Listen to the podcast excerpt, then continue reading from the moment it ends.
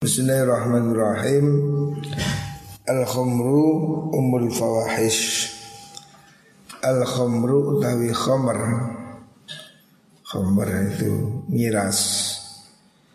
Iku umul fawahishi Dadi pokoke Sekabehane penggawe Allah Induk dari kejahatan itu miras. Jangan coba-coba minum minuman keras. Itu menjadi sumber semua kejahatan. Karena khomer miras ini merusak akal. Waman desa paniwong iku syari bangun bisu peman. Al khomra ing khomer Yutaroka mongko ninggal sapa wong as-sholata ing sholat Dari minum khomer Orang akan berani meninggalkan sholat Jadi asalnya dari khomer Bahaya narkoba, miras ini bahaya. Dari situ kemudian Wawakoa lan jima memperkosa ala umihi ingatasi ibu eman. Bisa jadi karena miras timbullah pemerkosaan. Bahkan pada ibunya wa amadihi lan bibi eman wa khalatihi dan bibik saking ibu iman.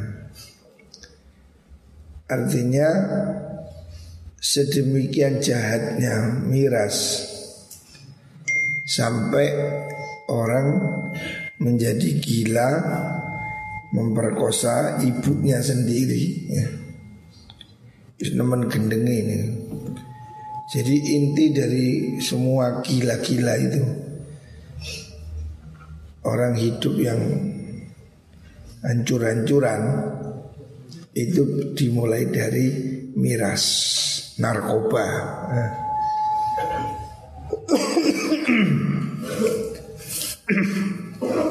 Maka harus dijauhi. Jauhi miras apa pun bentuknya. Arwahu Tabrani an Ibnu Umar. Al khairu utawi kebagusan iku kafirun akeh. Jalan kebaikan itu banyak sekali. Orang berbuat baik banyak sekali macam caranya. Cara berbuat baik itu tidak terkira dengan cara apa pun banyak sekali bisa dilakukan. Tetapi wa qalilun fa'iluhu. Pelakunya sedikit. Nah, orang yang mau berbuat baik ini sedikit. Padahal cara berbuat baik banyak ya. Tapi manusia ini lebih banyak tertarik berbuat hal-hal duniawi. Orang sibuk melakukan kegiatan untuk dirinya.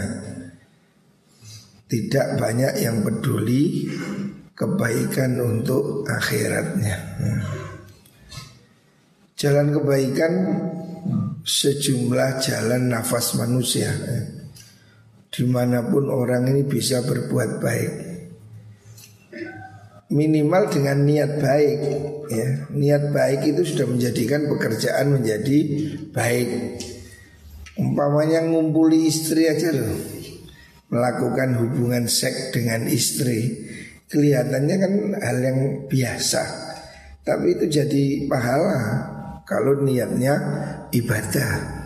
Niat supaya apa ngumpuli istri supaya istrinya tidak serong umpamanya. niat supaya mempunyai anak yang soleh itu kan tidak ibadah gitu. Jadi kebaikan ini banyak sekali. Makan pun kalau diniati supaya kuat ibadah, makan niat supaya bisa berbuat baik, supaya ngaji sergap, makan pun dapat pahala gitu. Jadi jalan kebaikan itu banyak sekali. Tapi sedikit orang yang mau melakukan. Hadis Surah Al-Khatib. Al khairu ma'qudun binawasiha al khair ila yaumil qiyamah. Al khailu utawi jaran. Nah, kuda. Zaman dahulu kuda ini kendaraan cepat. Nah, pada zaman Rasulullah Sallallahu Alaihi Wasallam. Kuda iku makudun dan bundeli binawasiha kelawan piro-piro bun-bunane al khail op al khairu kebagusan ila yaumil kiamati tumeka maring dino kiamat. Kuda ini penuh kebaikan sampai hari kiamat. Pada konteksnya pada zaman Rasulullah SAW kuda ini dipakai untuk perang, dipakai untuk ya kegiatan-kegiatan yang sangat membantu perjuangan. Karena kendaraan cepat pada waktu itu kuda, kendaraan lambat namanya unta. Nah, kuda ini bisa jadi sumber kebaikan. Maksudnya banyak pahalanya Wa ahluha utawi ahline khail iku mu'anuna kang den tulungi aliha ing atase mungkono al khail. Famsahu mongko ngusapo sira kabeh binawasiha kelawan piro-piro bun-bunane al khail. Kalau kamu punya kuda itu supaya dipelihara dengan baik, ngeten. Wat ulan dungo siro laha maring mengkuno al khail bil barakati kelawan berkah. Hendaknya kamu mendoakan supaya diberkahi. Wa qala duhalan ngalu mono siro ha ing khail wala tuqallidu lan ojo naleni siro ha ing khail al autaro ing piro-piro tampar. Kuda kan punya tali sendiri. Ini pada zaman Rasulullah Sallallahu Alaihi Wasallam. Kuda ini memang alat perjuangan yang paling efektif ya. Makanya dia disebut penuh berkah. Selanjutnya kalau Rasulullah Sallallahu Alaihi Wasallam khairu sadaqah maka na an zahrihina wabda bima ta'ur khairu sadaqati teluh bagusnya sadaqah. Iku ma perkara kana kang ana apa ma? Iku an zahrihinan saking sifat suki Sodakoh dengan sukarela. Sodakoh dalam keadaan kaya Wabda lan ngawitono siro biman kelawan wong ta'ulu kang nanggung siro ingman. Nah. Jadi sodako an dhahri kolbin Sodako an dhahri ghina Sodako yang kamu tidak eman Jadi kamu berkecukupan Tapi jangan kamu sodako menunggu kaya ya. Sodako yang dilakukan dengan rela hati ya. Tidak karena gengsi, intimidasi ya. Lakukan sodako dengan sukarela Dan mulailah sedekah dari keluargamu ya. Artinya jangan kamu lebih perhatian orang lain Sementara keluargamu tidak kamu perhatikan. Ya. Hadis riwahu Bukhari. Selanjutnya kala Rasulullah Sallallahu Alaihi Wasallam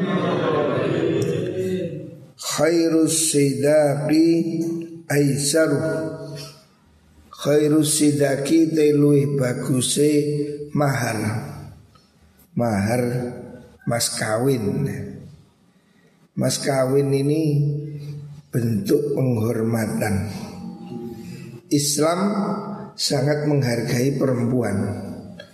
Agama lain mungkin tidak ada mahar. Agama yang lain malah perempuan yang membayar mahar. Di film-film India itu Perempuannya yang bayar.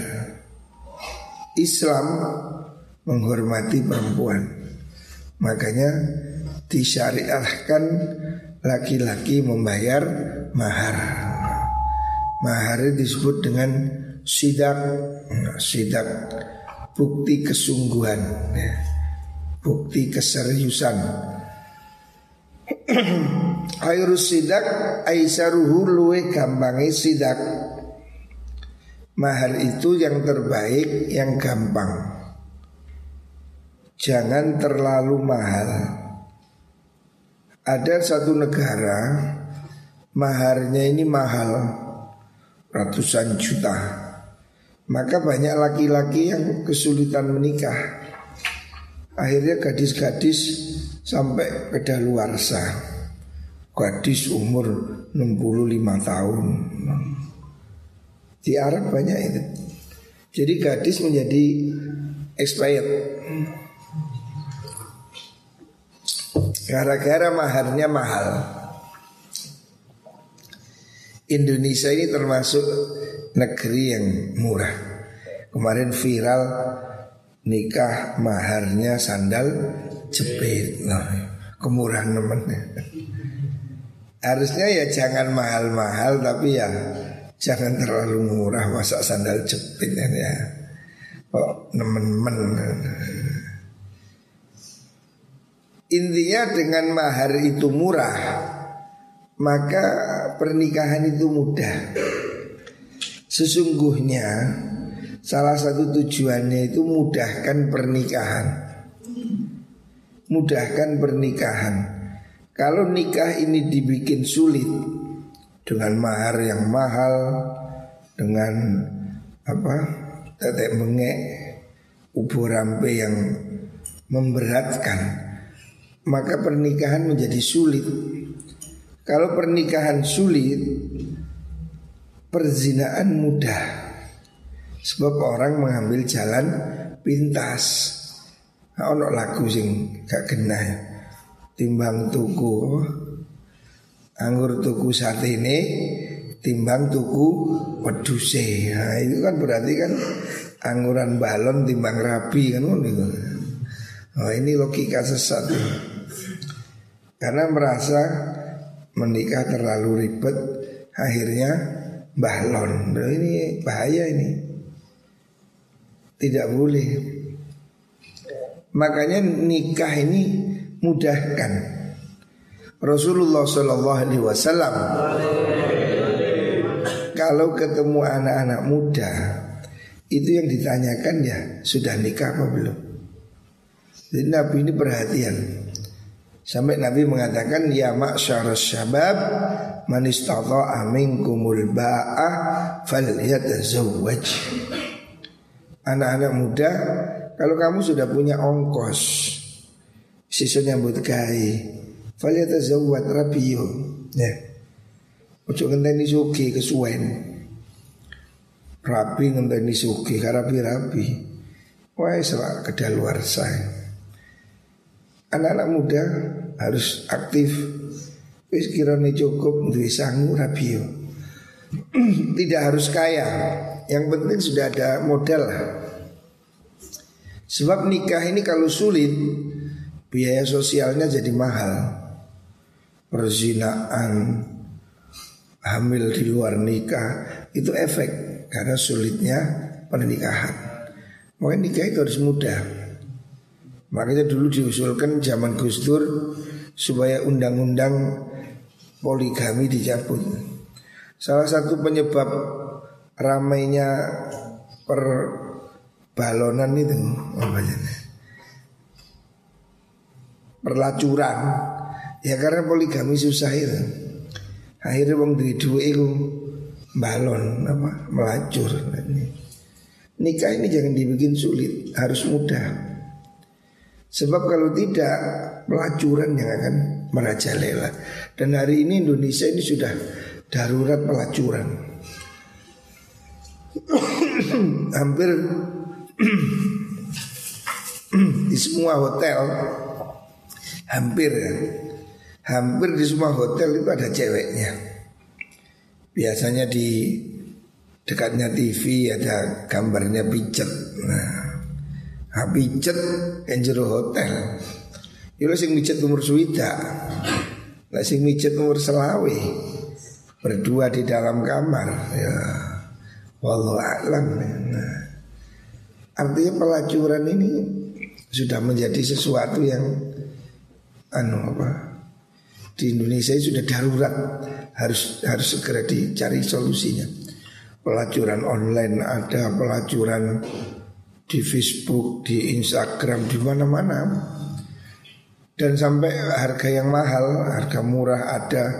Sampai yang artis 80 juta 50 juta. Yang dua hari yang lalu ada berapa itu? 30 juta. Ojek larang ya? Barang limang senti so. Regani Masya Allah Ya karena nikah sulit itu harinya balon ini ya. Naudhu bila Sehingga Nabi itu mengatakan nikah ini harus mudah Jadi ada sahabat ditanya Nabi Kamu punya istri? Tidak punya Punya mahar? Tidak punya Nabi mengatakan iltamis walau khataman min hadith Wis rabiyo walaupun mahar cincin besi. Artinya nikah itu sing gampang aja. Ojo ojo milih-milih. Ising penting cocok wis ngaten. Sebab ini akan membuat negara kuat dimulai dari rumah tangga yang kuat. Rawahu Uqbah bin Amr. Selanjutnya Rasulullah Sallallahu Alaihi Wasallam bersabda khairul kasbi kasbu yadil amili idha nasoha khairul kasbi utai lui bagusi penggawean iku kasbu yadil amili penggaweane tangane amil pekerja buruh ya. Idza nasoha nalikane ngarepaken bagus sopo ambil. Maksudnya idza nasoha itu bila dia bekerja dengan baik ya. Bekerja dengan baik. Jadi orang kerja dengan tenaganya itu bagus. Selama dia bekerja dengan jujur ya. Banyak macam kerja Kerjaan terbaik itu apa? Kerjaan orang dengan tangannya sendiri Artinya bekerja untuk mencukupi dirinya sendiri. Bisa jadi berdagang Bisa jadi bertani Ataupun menjadi karyawan Kalau dia menjadi karyawan yang jujur. Rawahu Abi Hurairah. Selanjutnya Al-khalatu bimanzilatil um. Al khalatu utawi bibi saudaranya ibu ya. Kalau dalam istilah Arab ada khalah, ada ammah. Khalah saudaranya ibu. Kalau ammah saudaranya bapak. Sama-sama bibi. Bibi dari ibu dengan bibi dari bapak. Kalau di Jawa kan sama. Bibi ya bibi. Coba bedanya Pak D ambek Budi Pak Li ambek Pak D ya. Tapi kalau di istilah Arab ada namanya khol. Saudaranya ibu itu khol. Kalau saudara bapak namanya am. Al khalatu tai bibi iku bimanzilatil ummi ing dalam panggonane ibu. Artinya di dalam merawat hadonah ya, merawat anak bayi. Seandainya ada anak bayi tidak punya ibu, maka yang paling berhak, yang paling mempunyai kedudukan untuk merawat anak kecil itu bibinya. Ya. Rawahul Bukhari. Ini Rawahul Syekhani. Selanjutnya Al-Hazinu Al-Muslim Al-Hazinu Al-Khazinu Al-Khazinu. Utawi tukang joko.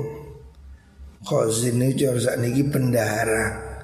Orang yang menjaga harta ya. Orang yang dipasrai keuangan. Jorosak niki bendahara. Al-aminu kang amanah.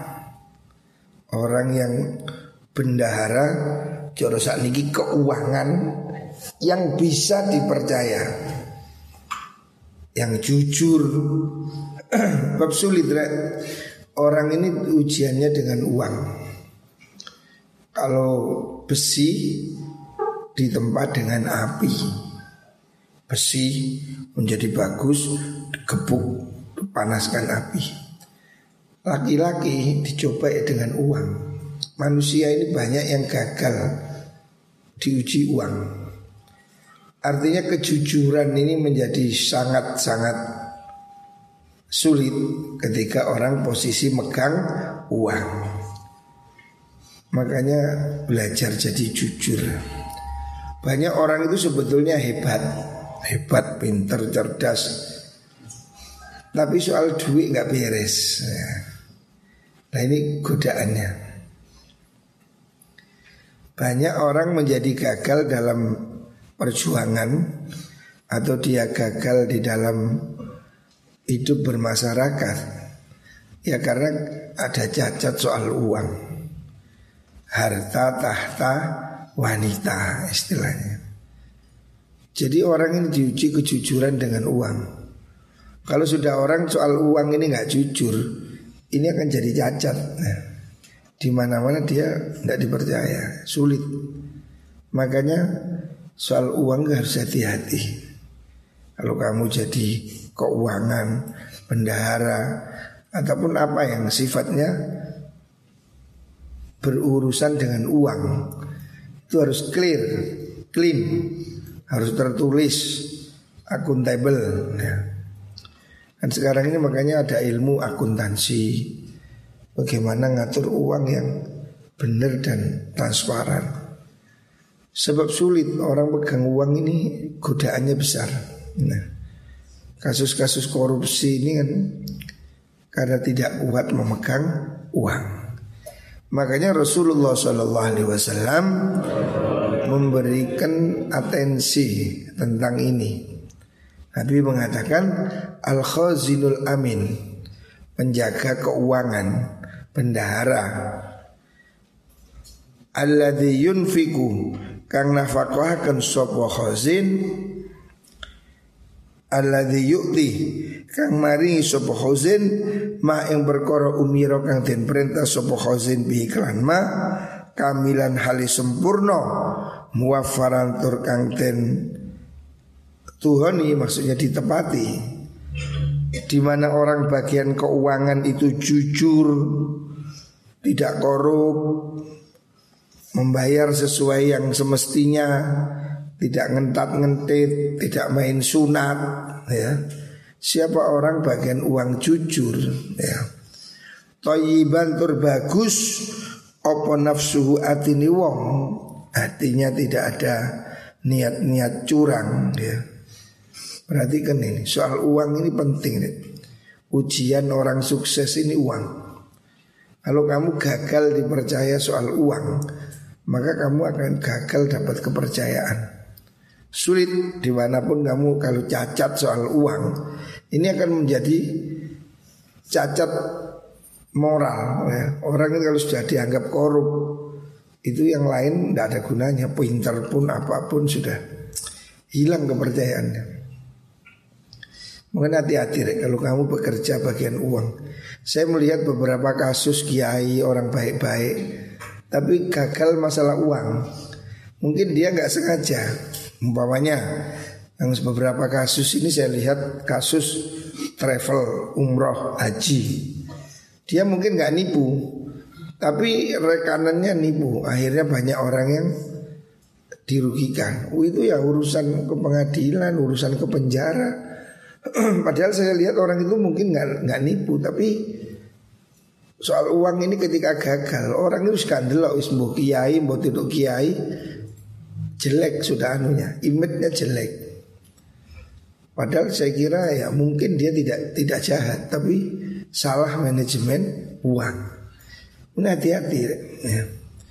Di samping jujur juga harus pinter Banyak kasus ya di Indonesia ini mungkin salah anak, salah administrasi bisa jadi juga masalah menjadi disebut korupsi. Ya ini hendaknya hati-hati. Siapa orang jadi bendahara, keuangan jujur, sempurna, tidak korup, tidak motong, tidak nyentit. Tayyiban nafsu berhati baik ya. Fayat fa'u mongko awe sopo khazin hu ilalladzi maring perkara umira kang den perintah sapa niku wau khazin lahu maring alladzi bi iklan ma iku khabarnya di sini. Iku ahadul ahadul mutasad mutasad ini salah suwijine wong kang sedekah loro. Walaupun dia mengeluarkan duitnya lembaga bukan duitnya sendiri ya. Namanya bendahara itu kan bisa jadi bendahara sekolah, bendahara lembaga, yayasan. Siapa orang keuangan yang membayarkan dengan benar sesuai dengan SOP-nya. Cor belonjo ya belonjo sing tenanan. Jangan ada kong kali kong. Itu orang itu dapat pahalanya sodakoh. Jadi dia tidak sodako kan? Dia kan cuma bagi Bukan duitnya dia. Tapi dia sudah dapat nilai sodakoh Dia dapat pahala. Jadi jujur di bidang keuangan Ini penting, sangat penting. Kalau kamu gagal membangun kepercayaan di bidang keuangan Orang tidak akan menghargai kamu Walaupun pinter Walaupun ya apa pun prestasinya Kalau sudah dianggap cacat soal uang Ini dalam sekali. Apa Lukanya itu dalam. Saya melihat beberapa kasus itu Ya itu kalau kiai-kiai itu kadang-kadang Kejebak dalam kasus Travel-travel umroh haji itu. Waduh itu jadi rasan-rasan orang Jadi jadi gosip yang buruk sekali karena soal uang ini sensitif. Uang ini sensitif ya. Makanya kalau kamu dipercaya soal uang Jangan sekali-kali tidak dicatat ya. Harus catatan bon Bukti pembelian harus selalu ada. Ini standar. Ditanya atau tidak ditanya Kalau kamu ngatur uang Kamu harus berusaha untuk detail catatannya detail, kuitansinya itu apa? Bukti pembayaran harus ada. Sebab orang ini suka suudon. Banyak kasus-kasus ini ya, ya karena dicurigai kan. Oh itu kok maling suki, oh itu kok maling ini. Orang suudon soal duit ini sangat tajam. Makanya kalau kamu diamanai bagian keuangan di mana pun di pondok di rumah. Siapa pun yang bekerja di bidang keuangan jadilah jujur. Kalau kamu jujur kamu dapat pahalanya sodakoh ya. artinya kejujuranmu itu dihargai sebagai sodakoh. Walaupun tidak ikut memilih uang. Nah, selanjutnya khufudal Qala Rasulullah sallallahu alaihi wasallam Dakhalatil mar'atu an-nara fi hiratin niku Dakhalat mlebu sopal mar'atu wong wadon imra'atun wong wadon an-nara ing neraka fi hiratin ing dalam kasus kucing. Gara-gara kucing orang bisa masuk neraka. Kucing ini hanya satu simbol ya. Bisa kucing ya bisa yang lain.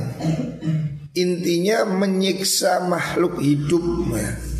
Contoh yang gampang ini kucing. Itu bisa membuat wanita atau laki-laki sama aja masuk neraka. Kenapa?